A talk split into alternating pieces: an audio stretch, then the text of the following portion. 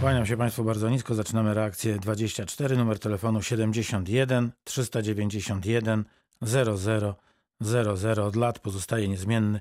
E, Rekomenduję, by Państwo go sobie zapisali, bo nigdy nie wiadomo, kiedy zechcą Państwo z nami porozmawiać, albo też e, z naszymi specjalistami, ekspertami. Magda Orzeł wydaje reakcję 24, Anita Janczak ją realizuje.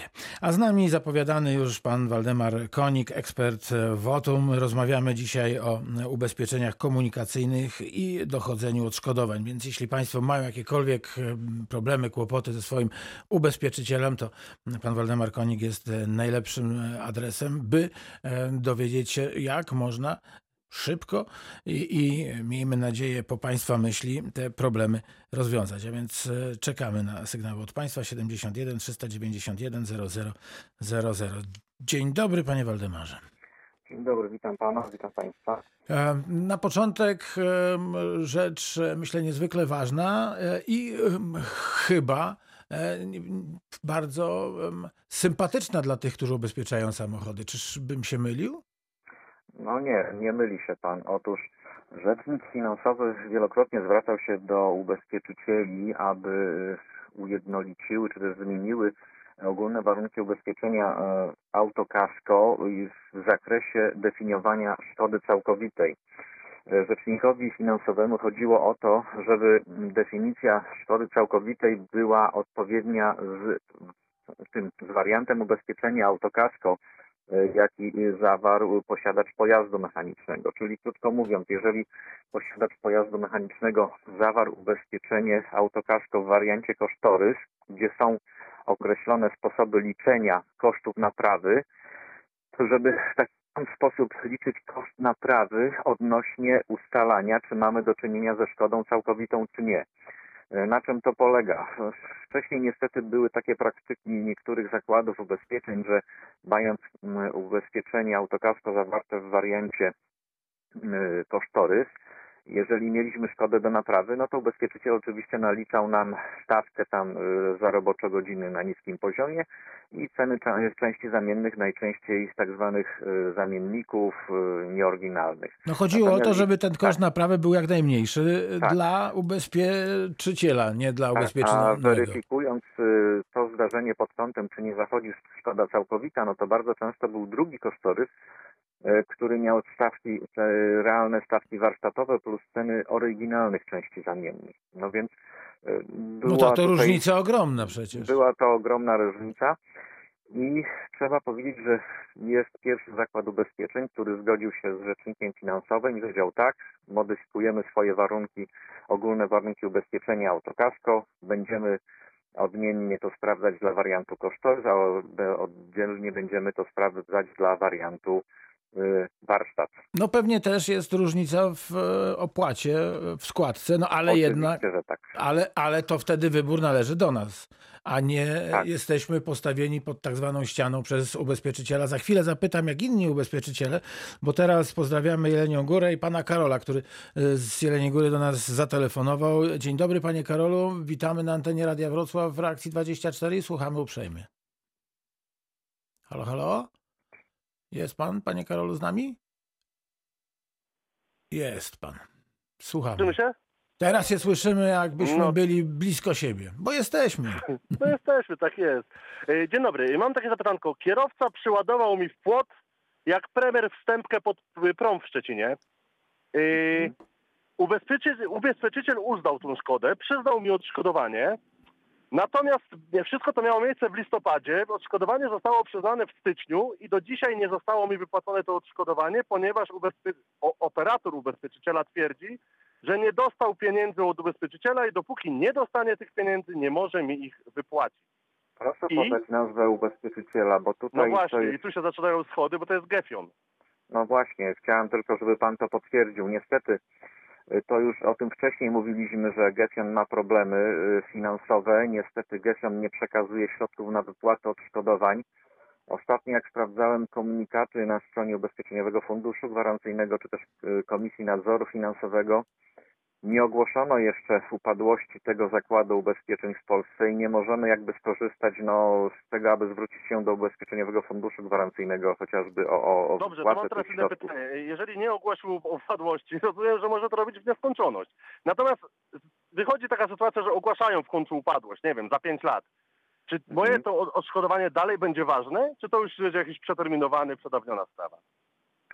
Wie pan co, formalnie rzecz biorąc od wydania decyzji yy, przedawnienie następuje po trzech latach, także tutaj proponowałbym ewentualnie no, zabezpieczyć się w ten sposób chociażby, że poprzez złożenie pozwu przeciwko temu zakładowi ubezpieczenia wypłaty odszkodowania. No chociażby w ten sposób. Yy, przedawnienie z wyroku to 10 lat. Jasne. Ale to jest No nie, niezwykły kłopot, panie Karolu, no bo, no, No bo, panu, no bo wie no- pan, pan Bogu ducha winny. E, Tak. Po, powinni e, pana wziąć na ręce, utulić, powiedzieć nie martw się chłopie, wszystko będzie dobrze.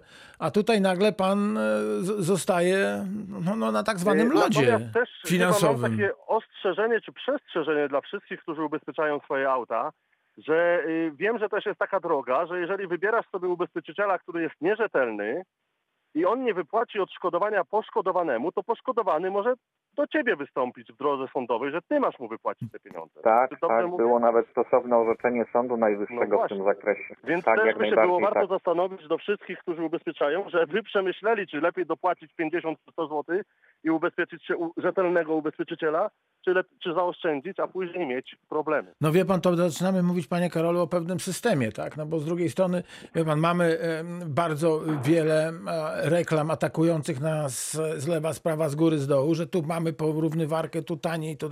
No i teraz pytanie, skąd ja mogę wiedzieć, czy ten ubezpieczyciel jest, e, czy nie jest rzetelny? Ma, mamy tych... Polecam tra- dobrego brokera, są naprawdę A. fantastyczni na rynku, od A. lat sprawdzeni, u tego samego. No i widzi pan, i my uczciwie pójdziemy do brokera, albo będziemy się ubezpieczać e, w tych tradycyjnych firmach, które są wypłacalne, e, no a inni, inni mm, zrobią nam kuku, mając No e, policję właśnie u, u kogoś, kto, kto nie płaci pieniędzy i, i już, i co mi zrobisz?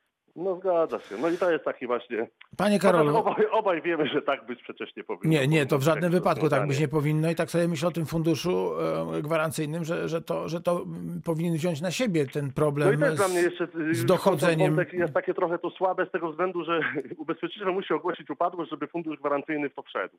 Hmm. Nie wydaje, wydaje mi się, że fundusz gwarancyjny, skoro ubezpieczyciel nie, nie wypłaca, No to wtedy w, powinien ruszyć. No ale nie, to wy, wy, wypłaca poszkodowanemu i zaczyna, i zaczyna nękać Dokładnie. tego, kto nie wypłacił. I jeśli się okazuje, że jest niewypłacalny, to występuje z e, wnioskiem o ogłoszenie upadłości. Sprawa załatwiona, tak? No ale Dobrze, dajmy ale- czas następnym. Dzięki śliczne. w wszystkiego dobrego, a to, jednak, a to jednak na nas jest zrzucone.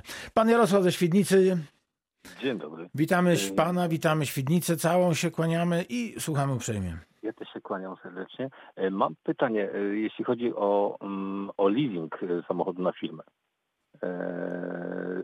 Szkoda całkowita była orzeczona i zaproponowano mi odsprzedanie tego komuś, jakiemuś oferentowi.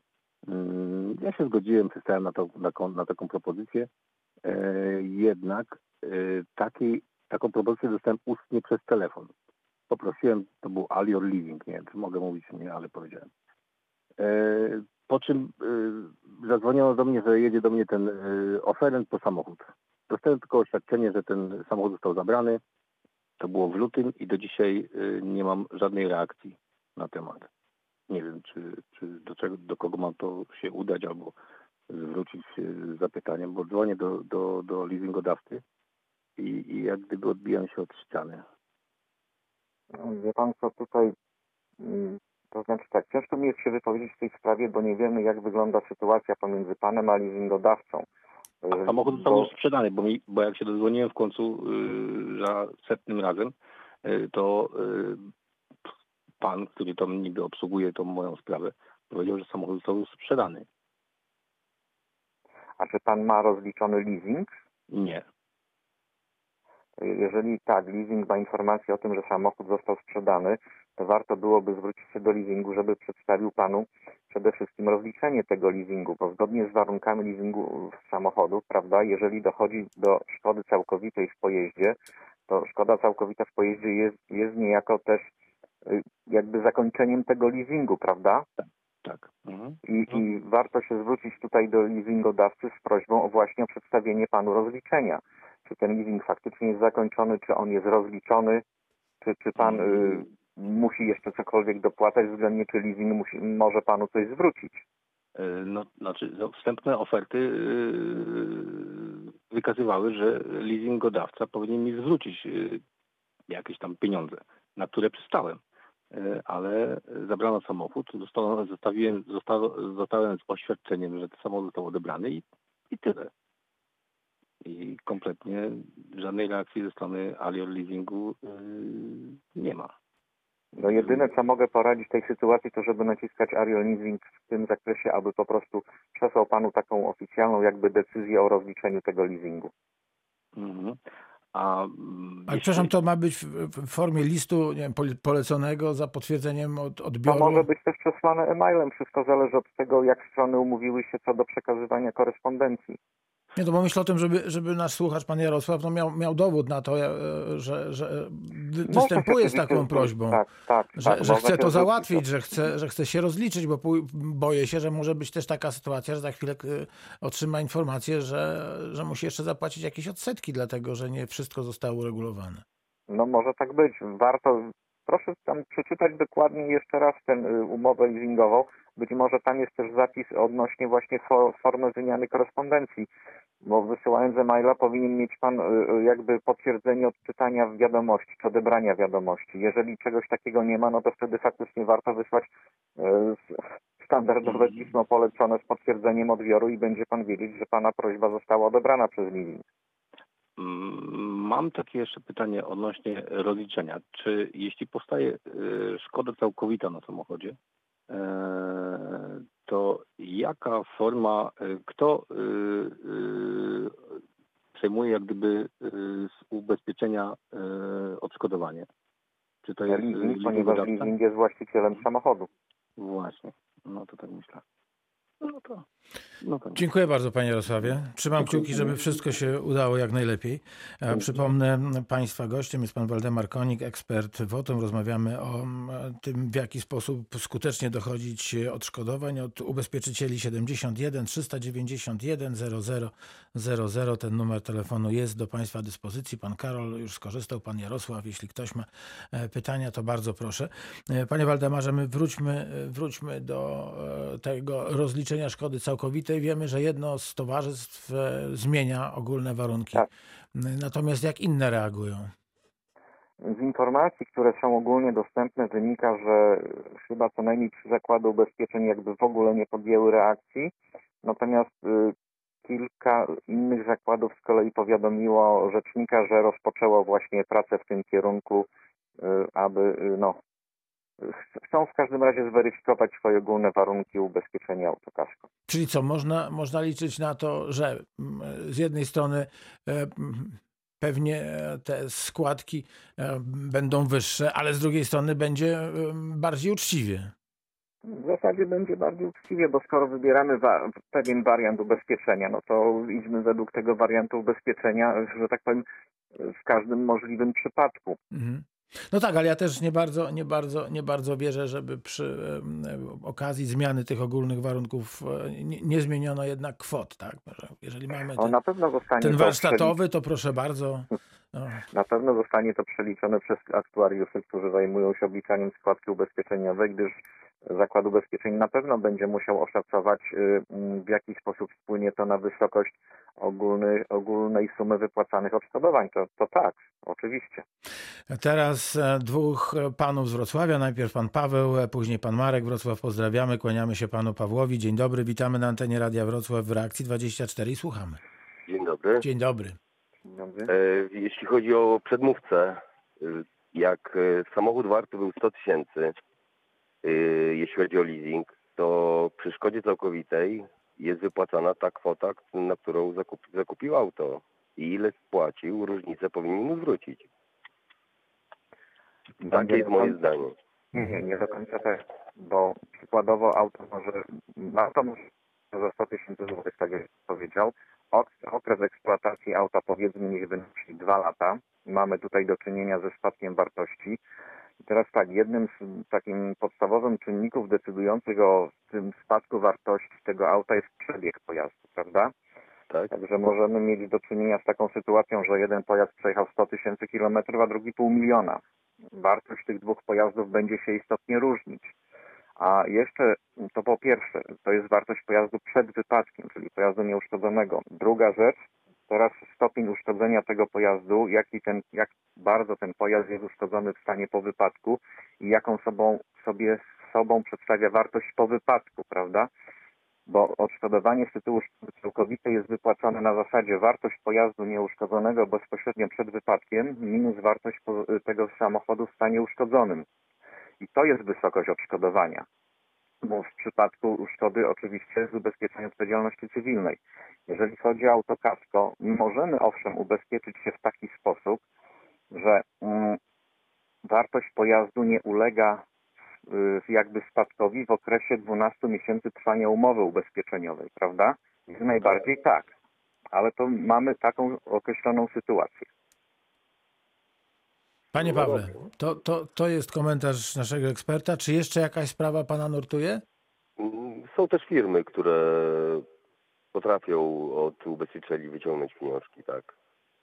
Okej. Jest mnóstwo takich firm. Czyli, czyli to są podpowiedzi dla pana Jarosława ze Świdnicy, od Tak, pana Pawła z tak. Wrocławia. Bardzo miło. Dziękujemy panu bardzo za ten telefon. Przypomnę numer 71 391 0000. Ten numer znał pan Marek e, z Wrocławia także. Dzień dobry, witamy pana. Halo, halo, dzień dobry, pozdrawiam Dzień dobry. panu w studiu. Ja mam takie pytanie. Ja zajmuję się pracami remontowo-budowlanymi i niekiedy zostają narzędzia w aucie. Czy ma pan wiedzę, czy są jakieś firmy, u- które ubezpieczają, że w przypadku kradzieży takiego, takiego sprzętu yy, no są one w stanie to ubezpieczyć? Ale sprzętu z samochodem, czy sprzętu samego? Sprzętu, nie samego sprzętu. Jakby- Okej. Ktoś się włamał do auta, zabrał panu Tak, e, Mhm. wiertarki i poszedł sobie w siną na przykład. Ja, Dobra. z tego coś tak, tak, ja nie mam już nie mam takiej wiedzy, jeśli chodzi o inne ubezpieczenia czy inne y, te y, likwidacje szkód niż szkody komunikacyjne. Wiadomo, że jeżeli jest jakaś część, która jest jakby wyposażeniem w pojeździe standardowym czy ponadstandardowym, ubezpieczyć w ramach ubezpieczenia autokasko. Natomiast jeżeli chodzi o przewożone bilety, jakby nie tym samym, no to już trzeba szukać osobnego ubezpieczenia, ale... Czyli ja- ubezpieczamy, przepraszam, bo, bo trochę nam prze, przerywało, czyli ubezpieczamy te narzędzia zupełnie oddzielnie. Tak, tak, bo to Mhm. nie jest No, element wyposażenia samochodu. Mhm. Natomiast Rozumiem. ja niestety się tym nie zajmuję. Aha. A czy y, nie mógłby mnie pan prze- przekierować do kogoś, kto, kto się zajmuje takimi rzeczami? To myślę, że broker ubezpieczeniowy. Jak najbardziej proszę się poszukać brokerów ubezpieczeniowych i to, to są najlepsze adresaci właśnie tego, aby wyszukać dla Pana naj, najlepszy wariant właśnie ubezpieczenia. Mhm. Dobrze, to za, w zasadzie dziękuję wszystko, bo tylko, tylko chodziło mi o narzędzia w, w aucie. Mhm. Jak również na budowie, bo to No to ja myślę, że wie pan co, no ale to właśnie to, to, to co mówił pan e, Waldemar Konik, nasz ekspert, że, że trzeba ubezpieczyć te narzędzia, tak? No bo one, wie pan, Tak. gdyby, gdyby to było narzędzie przytwierdzone do auta, auto specjalne z jakimś, wie pan, Mhm. Ja, wyposażeniem. zro- ja, nie, ja zrozumiałem, tylko właśnie chodziło mi o to, o informację, jak, w jaki sposób i u kogo to ubezpieczyć. Bo To u nie brokera, to bro, broker na Nie pewno wszyscy wie. chcą się tym zajmować. No. To broker na pewno będzie wiedział, to, to jest jego zawód, jego praca, będzie wiedział, gdzie najlepiej też ubezpieczyć, gdzie są najniższe stawki, gdzie ewentualnie najłatwiej uz- uzyskać odszkodowanie, jeśli by się szkoda zdarzyła, czego panu nie życzę. Ale przezorny, Ja ubezpieczony. również. Świetnie. Wszystkiego dobrego, panie Marku. Dziękuję. Pozdrawiam pięknie. E, Proszę Państwa, to teraz z Wrocławia w Kłodzku już się znaleźliśmy. Pozdrawiamy Kłodzko, całą Kotlinę i pana Jacka. Witamy. Dzień dobry w Radiu Wrocław. Dzień dobry wszystkim. Em, Mam takie pytanko. Wydaje mi się, że to jest po tak zwanej herbacie już, jak to się mówi, ale doszło do uszkodzenia mojego pojazdu na posesji prywatnej. Mianowicie zamknęła się brama podczas, e, kiedy z tej posesji wyjeżdżałem. Posesja nie jest moja. E, No i z właścicielem dogadaliśmy się tak, no na tak zwaną gębę niestety, bo to znajomy, że ja sobie to spróbuję tam zrobić poler, co się nie uda, no to będziemy rozmawiać o ewentualnej tam jakimś, ewentualnym zadośćuczynieniu z jego strony. No, szkoda została naprawiona tam przez mojego kolegę. Po dobrej znajomości wyszło kilkaset złotych. no pan odmówił wypłacenia mi tych pieniążków. Czy to już jest, jestem na straconej pozycji, czy jak, jak to w ogóle zacząć? Czy, czy to jest z polisy posesji, czy ewentualnie do ściągnięcia? Czy Posiadacz, y, to znaczy tak, y, jeżeli posiadacz tej posesji miał zawarte ubezpieczenie odpowiedzialności cywilnej prywatnym, które najczęściej jest też powiązane wszystkim z całą tą nieruchomością, to wtedy takie odszkodowanie mogłoby być wypłacone z jego ubezpieczenia odpowiedzialności cywilnej. Y, Druga rzecz, przed wykonaniem napraw należałoby tą szkodę zgłosić do ubezpieczyciela, gdyż jeżeli pan dokonał naprawy, pan ż- naprawy szkody, to w tym momencie zakład ubezpieczeń może jakby za, y, no, zakwestionować albo też nie być w stanie ustalić rozmiaru szkody. A tym samym zdjęcia? Proszę? No jeżeli są, jeżeli są zdjęcia, to już, to już jest dobrze.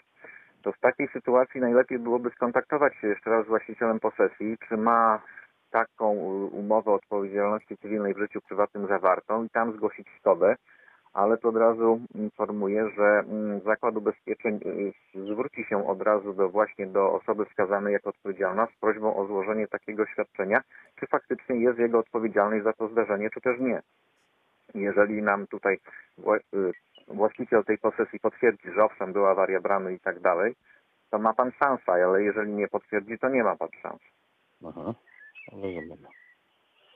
No może być Y, ciężko. z- Na zgłoszenie szkody y, ma pan 3 lata. Rozumiem. Od daty zdarzenia oczywiście. O, oczywiście. Dobrze, to dziękuję bardzo. Dzięki bardzo panie Jacku, wszystkiego dobrego. Wzajemnie. Pięknie ptaki śpiewają gdzieś tam obok pana. No, akurat stoję, kilka budek jest tutaj obok. Fajnie. Śliczna ta wiosna. Dziękuję bardzo. Dziękuję. Pozdrawiamy. Teraz e, Lubinowi się kłaniamy i pani Ewie. Dzień dobry. Dzień dobry, dzień dobry. Słuchamy pani. No. No ja w lutym e, uległam wypadkowi. Miałam skręconą nogę, także nadwyrężone miałam i mięśnie i noga była, stopa była sina. I zgłosiłam do ubezpieczyciela, miałam nogę w gipsie po same, jak to mówią, e, pupę. I przez dwa tygodnie i później trzy tygodnie jeszcze chodziłam w bucie orto, tym, tym ortezie. Nie mogłam wychodzić na dwór, nie ten. I przysłali mi, że mi się nie należy, bo to nie obejmuje ten. A żałuję, że... Ale co nie obejmuje, przepraszam? Ubezpieczenie, że nie obejmuje tego właśnie... A yy, pani miała ten. jakie, jakie ma ubezpieczenie? Yy, 100 zł płacę tam. To- Chodzi o to, jakie ubezpieczenie pani, jakie ubezpieczenie pani zawarła? Od czego się pani ubezpieczyła? No tam było, że od wypadków, od różnych tych i, i ten. Tu pisze, od- odesłali mi, że nie, yy, nie zawiera ryzyka pozwalającego na zwrot poniesionych kosztów leczenia, skąd brak jest podstaw do restrukturyzacji. Okej, panie e, Waldemarze, co możemy powiedzieć pani Ewie? No, prawdopodobnie mówimy o jakimś y, dobrowolnym ubezpieczeniu z tytułu następstw nieszczęśliwych wypadków. Nie wiem, podejrzewam, że może o to Tak, chodzić. tak, być, tak. Coś, być, może coś, mówi, być może jest to tak zwane indywidualne ubezpieczenie kontynuowane po tym, jak mamy takie ubezpieczenie y, w trakcie pracy. Przykładowo kończymy pracę, to idziemy na właśnie z emeryturę. tamtego zrezygnowałam, a przeszłam na to właśnie, yy, że to miesiąc teraz płacę po 100 zł. indywidualne, kontynuowane ubezpieczenie. Tutaj musielibyśmy niestety, ale y, znowuż powtarzam to jak mantrę, sięgnąć do ogólnych warunków ubezpieczenia i zobaczyć, jaki jest zakres odpowiedzialności Zakładu Ubezpieczeń. Za jakie zdarzenia Zakład Ubezpieczeń po prostu jest zobowiązany do wypłaty odszkodowania. Nic więcej w tej chwili nie możemy Pani poradzić, bo nie wiemy za jakie zdarzenia i nie wiemy w jaki sposób doszło do, do tego, że Pani doznała szkody. No po prostu szłam na ulicy, poślizgnęłam się, upadłam, a śruby jeszcze mam w kolanie i lekarze bali się, żeby mi te śruby w kolanie nie wyskoczyły, prześwietlili i mi dali gips na dwa tygodnie nogę, no, bo i mięśnie były naderwane i ten. Dobrze, A pani Ewo, to, to, to ja mam prośbę, gdyby pani, gdyby pani mogła e, spróbować, nie wiem, choćby zrobić zdjęcie, albo poprosić kogoś, albo sama zrobić kserokopię e, tej, tej polisy, wysłać na reakcję 24 z, też ze zgodą, żebyśmy mogli się tą sprawą zająć, to ja wtedy, wtedy e, naszym ekspertom to prześlę. Myślę, że to mecenas Albert Demidowski, który będzie za chwilę naszym gościem, będzie naj, e, najlepszym będzie adresatem, właściwym. prawda? Tak. e, tak. Tego, te- tej sprawy, więc bardzo prosimy, żeby pani to, to uczyniła, bo inaczej niestety pomóc pani nie możemy, trzeba więcej, trzeba więcej danych. Ale z tego, co pani przeczytała, to ubezpieczyciel powiedział, że, że, że za takie szkody nie płaci. Nie płaci. No Najprawdopodobniej właśnie, jest no. takie wyłączenie w ogólnych warunkach. Żebym wiedziała, że ten, to bym z tamtego pierwszego nie rezygnowała. Bym dalej Pani ciągła. Ewo, wszystkiego dobrego, Tak. dziękujemy, pozdrawiamy. Dużo Dziękuję. zdrowia przede wszystkim, niech się pani trzyma, bo to jest najważniejsze, żeby noga wróciła do e, sprawności. Teraz pan Mirosław z e, powiatu legnickiego. Dzień dobry panie Mirku, witamy w Radiu Wrocław. Dzień dobry panie redaktorze. Chciałem zadać e, ekspertowi pytanie. Proszę zadawać. Co ma zrobić, bo syn kupił samochód w komisie w takim skupie. Tam było e, ubezpieczenie na miesiąc tak zwane komisowe. E, Przed upływem miesiąca sprzedał.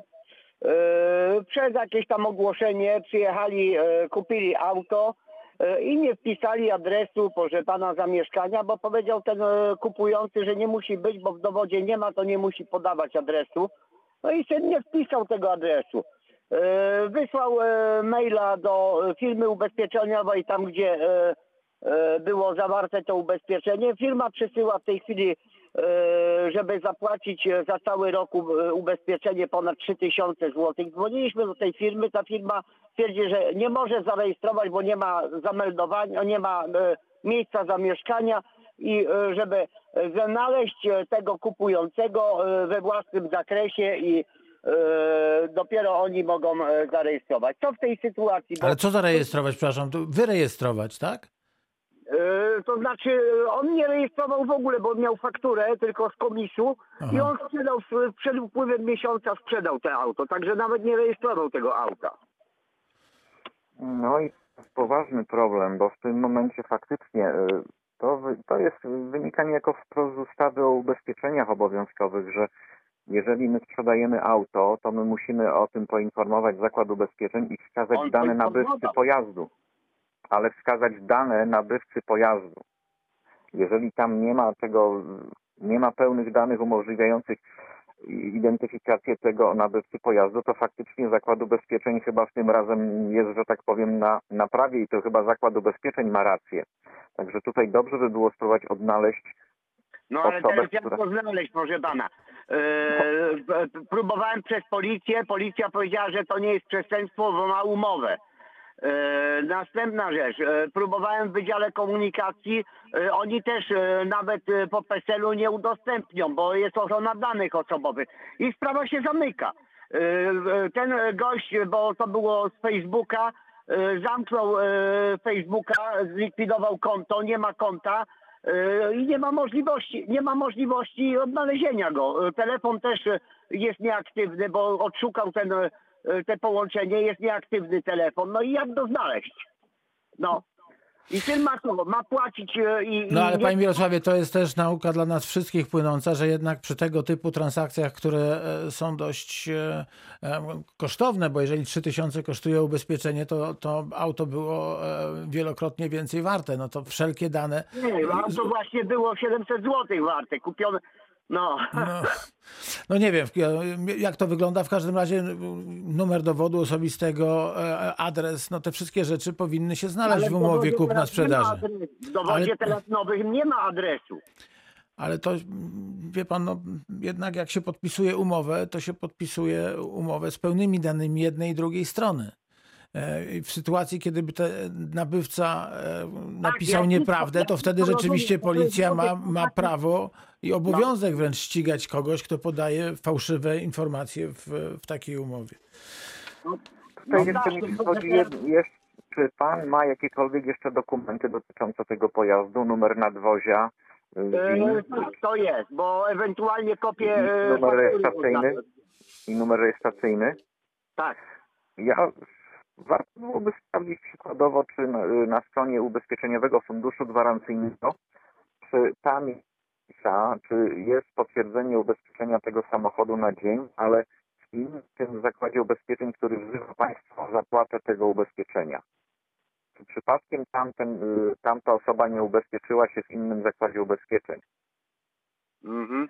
To, to pierwsza rzecz, jaka mi to przychodzi do, do głowy, no a tak to musiałbym jeszcze tą sprawę przedyskutować tutaj z, z, no, z osobami, które mają większe doświadczenie ode mnie w tym zakresie i mo, może byśmy udzielili, jeszcze spróbowali udzielać, udzielić tej informacji powiedzmy jutro. To nie, to umówmy się może tak, że, że ja, ja zadzwonię do, do pana, panie Waldemarze, w poniedziałek. E, Umawiamy się, że pan Mirosław będzie nas słuchać i z, zaczniemy od, od tego e, nasze poniedziałkowe spotkanie w reakcji, bo być może do jutra pan, państwo nie ustalą. Myślę, że też e, może pan Mirosław jednak odszuka choćby dane pojazdu. E, Może jest już ubezpieczony w pojazd. Czyli co, umawiamy się na poniedziałek, dajemy sobie chwilę? Dobrze, dobrze. No dobrze. Dobra. Dobrze. E, Ja się spytam tylko jeszcze jedną rzecz. E, Bo rozmawiałem, mój kolega jest też tam kiedyś w ubezpieczeniach pracował i mówił, że ewentualnie można wziąć w tym czasie wypowiedzieć umowę. Tak czy inaczej można wypowiedzieć umowę. Czy też taka, taka możliwość jest? Wypowiedzieć umowę, tak, można, to, ale ta umowa i tak, i tak będzie, musi pan zapłacić za ten okres, prawda, kolejnych za ten 12 okres to, miesięcy, to, to, tak, za ten Ale- ale to nie zmieni faktu, że nadal będzie pan figurować jako właściciel tego pojazdu i po kolejnym okresie znowuż powstanie obowiązek zapłaty ubezpieczenia odpowiedzialności cywilnej. Chodzi o to, żeby, tak w cudzysłowie powiem, wykreślić pana jako właściciela pojazdu, jako posiadacza pojazdu. No tak, ale, ale teraz e, no właśnie... No dobrze, panie, panie Mirku, umówiliśmy się, że, że do poniedziałku zostawiamy sprawę. E, Nasz ekspert się rozezna, co można zrobić. Pana też bardzo proszę, żeby, żeby pan skorzystał z rad pana Waldemara Konika, poszukał e, w internecie tego pojazdu. Być może już jest Na stronie ubezpieczony. ubezpieczeniowego funduszu gwarancyjnego. Tam jest taka możliwość sprawdzenia ubezpieczenia OC na dzień, na dzień, na konkretny dzień. Aha, dobrze, dobrze. To jesteśmy umówieni w, w poniedziałek. Bardzo dziękuję. Proszę, pa, proszę Państwa, czas nieubłaganie e, płynie. Dziękujemy bardzo. Waldemar Konik, ekspert Wotum, e, był Państwa pierwszym dzisiaj gościem. Do usłyszenia w najbliższy e, poniedziałek. Za dzisiaj bardzo dziękuję. Dziękuję. Do usłyszenia. Dziękuję, do usłyszenia. Proszę Państwa, a za chwilę połączymy się z panem mecenasem Albertem Demidowskim, także ekspertem WOTUM i będziemy rozmawiać o ubezpieczeniach od następstw nieszczęśliwych wypadków, e, ale w pracy zawodowej, w firmie. Reakcja 24 w Radiu Wrocław, e, numer telefonu 71 391 0000. Wybrzmiewa w tle Urszula, z nami pan mecenas Albert Demidowski, ekspres e, WOTUM SA. Dzień dobry. Dzień dobry, dzień dobry panie mecenasie. Następstwa nieszczęśliwych wypadków w pracy zdalnej się e, kłaniają. No, tutaj mamy e, wiele, wiele niejasności, jeśli możemy e, dwa zdania, no, może 20 zdań na ten temat powiedzieć. Po pierwsze, czy każdy pracodawca ma obowiązek ubezpieczyć się, jeśli chodzi o wypadki przy pracy swoich pracowników? Znaczy, jest obowiązek jakby jest, ale on jest w systemie ubezpieczeń e, społecznych, czyli jest to tak zwana składka wypadkowa, którą odprowadza pracodawca w imieniu pracownika do ZUS-u. Tak więc to takie pod- podstawowe ubezpieczenie, które ma pokryć e, no, koszty związane z, ze skutkami wypadku przy pracy jest, jest narzucone przez państwo. Natomiast no, na pewno te pieniądze, które są przyznawane przez ZUS-y, nie zawsze będą w pełni mogły wynagrodzić to, co się stało osobie poszkodowanej. Czyli jeśli podczas e, pracy stanie nam się krzywda, to wtedy musimy zapytać naszego pracodawcę, czy był ubezpieczony. E, tak, to jakby tutaj jest ten wątek już ubezpieczenia OC, czyli tych wszel- wszelkich e, dodatkowych kwestii związanych z zadośćuczynieniem pracownika, z ponoszonymi przez niego kosztami leczenia, a w najgorszych przypadkach, jeżeli pracownik stale, staje się trwale niezdolny do pracy, no to w grę wejdzie nawet renta cywilna, prawda, którą m, może potem rościć od pracodawcy bezpośrednio z jego majątku, w sytuacji, kiedy pracodawca nie wykupił ubezpieczenia OC związanego z wypadkami przy pracy. No więc właśnie, e, a jeśli, jeśli e, nie zostało wykupione to, e, to ubezpieczenie, to wtedy e, cała odpowiedzialność finansowa spoczywa na barkach pracodawcy. Tak, wtedy może się okazać, że, że pracodawca musi płacić nie dość, że wysokie zadośćuczynienie własnego majątku, czyli za tę tak zwaną krzywdę moralną prac, pracownika, który doznał obrażeń ciała, e, albo dla rodziny po śmierci pracownika wskutek wypadku pracy, no ale też wejdą te świadczenia związane ze zwrotami kosztów, renty. Tak więc e, na pewno jeżeli prowadzimy biznes jest to działalność, w której występuje ryzyko wypadku, bo wiadomo, że praca biurowa no, generuje stosunkowo niewielkie ryzyko wypadku, ale jeżeli jest to firma, jakiś zakład produkcyjny, e, firma, która używa jakichś zmechanizowanych sprzętów dużych, tak więc tu na pewno warto, żeby właściciele takich zakładów przemyśleli to, czy, czy nie ubezpieczyć się jednak w zakresie tego osób za wypadki przy pracy, bo to może uchronić potem cały biznes przed no, w skrajnych przypadkach nawet i bankructwem, prawda? Zaraz wrócimy do naszej rozmowy, bo teraz Zgorzelec witamy. Witamy pana Roberta ze Zgorzelca. Dzień dobry. Dzień dobry panom. E, chciałem jedno pytanie, dwa pytania tak naprawdę. E, jedno pytanie, jak jest ubezpieczony pracownik, bo ja mam pracowników, którzy pracują w domach na zdalnych. I jak jest ubezpieczony pracownik pracujący zdalnie? I proszę mi powiedzieć, pani, która pracuje u mnie, poparzyła rękę wodą wrzącą, robiąc sobie herbatę, twierdzi, że była wtedy w pracy i skarży mnie o duże odszkodowanie, także jak to jest? Jak to jest z ubezpieczeniem takich ludzi? Ale była też na pracy zdalnej, czy była już w siedzibie Nie, firmy? na pracy zdalnej. A, czyli, czyli rozmawiamy o pracy zdalnej. E, Panie Robercie, smutno mi, że, e, że, ma, pan, e, że ma pan kłopot ze, z, i smutno mi, że się pracownica oparzyła. To, to, są, to są smutne rzeczy, ale cieszę się, ponieważ my właśnie o tej pracy zdalnej, o tych ubezpieczeniach mamy zamiar rozmawiać, co zapowiadałem. Panie mecenasie, no to właśnie, jak to, jak to wygląda? Jeśli pan Robert pozwoli, to użyjemy pana Roberta jako przykładu. Tak, no tutaj generalnie, e, że jeżeli chodzi o system ubezpieczeń społecznych, czyli ZUS, czyli te wszystkie kwestie składek i potem świadczeń z ZUS-u, to one mają zastosowanie niezależne od tego, gdzie dojdzie do wypadku. Czyli jeżeli pracownik dozna wypadku przy pracy w domu, e, no to wtedy ZUS oczywiście mu świadczenia wypłaci. Natomiast gdyby się pracownik taki, który, mm, tak jak w tym przypadku, prawda, pracownica e, no, de facto nie pracowała w chwili, kiedy doszło do zdarzenia, prawda, bo ona e, zaparzała sobie herbatę, tak, tak więc nie Ale, jest, ale w pracy. ale w pracy, no w pracy w domu, prawda, tak więc o ile, jeżeli chodzi o ZUS, to pewnie zostanie to zakwalifikowane jako wypadek przy pracy, bo jednak no są zazwyczajowe przerwy, w których pracownik pozostaje w dyspozycji, a może sobie jednak jakiś napój przygotować, to w kwestii y, cywilnej, no tutaj musiałaby ta pracownica wykazać zawinienie po stronie firmy, a tu nie widzę praktycznie możliwości, żeby to zawinienie wykazać. Ale już, już panu podpowiem, że ZUS nie odmówił mi ubezpieczenia, jeżeli pracownik pracuje w domu. Znaczy wydał decyzję odmowną o uznaniu tego za wypadek przy pracy, czy z innych powodów odmówił? Tak, tak.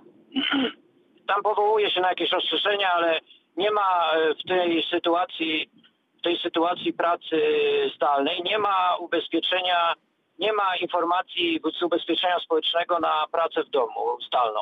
Albo to jest płaca na, nakładcza, czyli całkiem inaczej trzeba e, to e, ubezpieczyć pracownika, albo to jest praca zdalna, czyli jak ktoś jeździ i tak dalej, i tak dalej. Tak mi poinformowano mnie, że praca, i to jest właśnie bardzo skomplikowane, to chciałbym, żeby, żeby pan mm, pomyślał o tym. I dobrze, że pan redaktor tak mówi, że, że to jest taki przykład, bo to jest bardzo, dużo ludzi teraz tak pracuje i na tyle jest skomplikowane, że, że ZUS twierdzi, że to nie, że ci ludzie pracujący w domach nie są ubezpieczeni.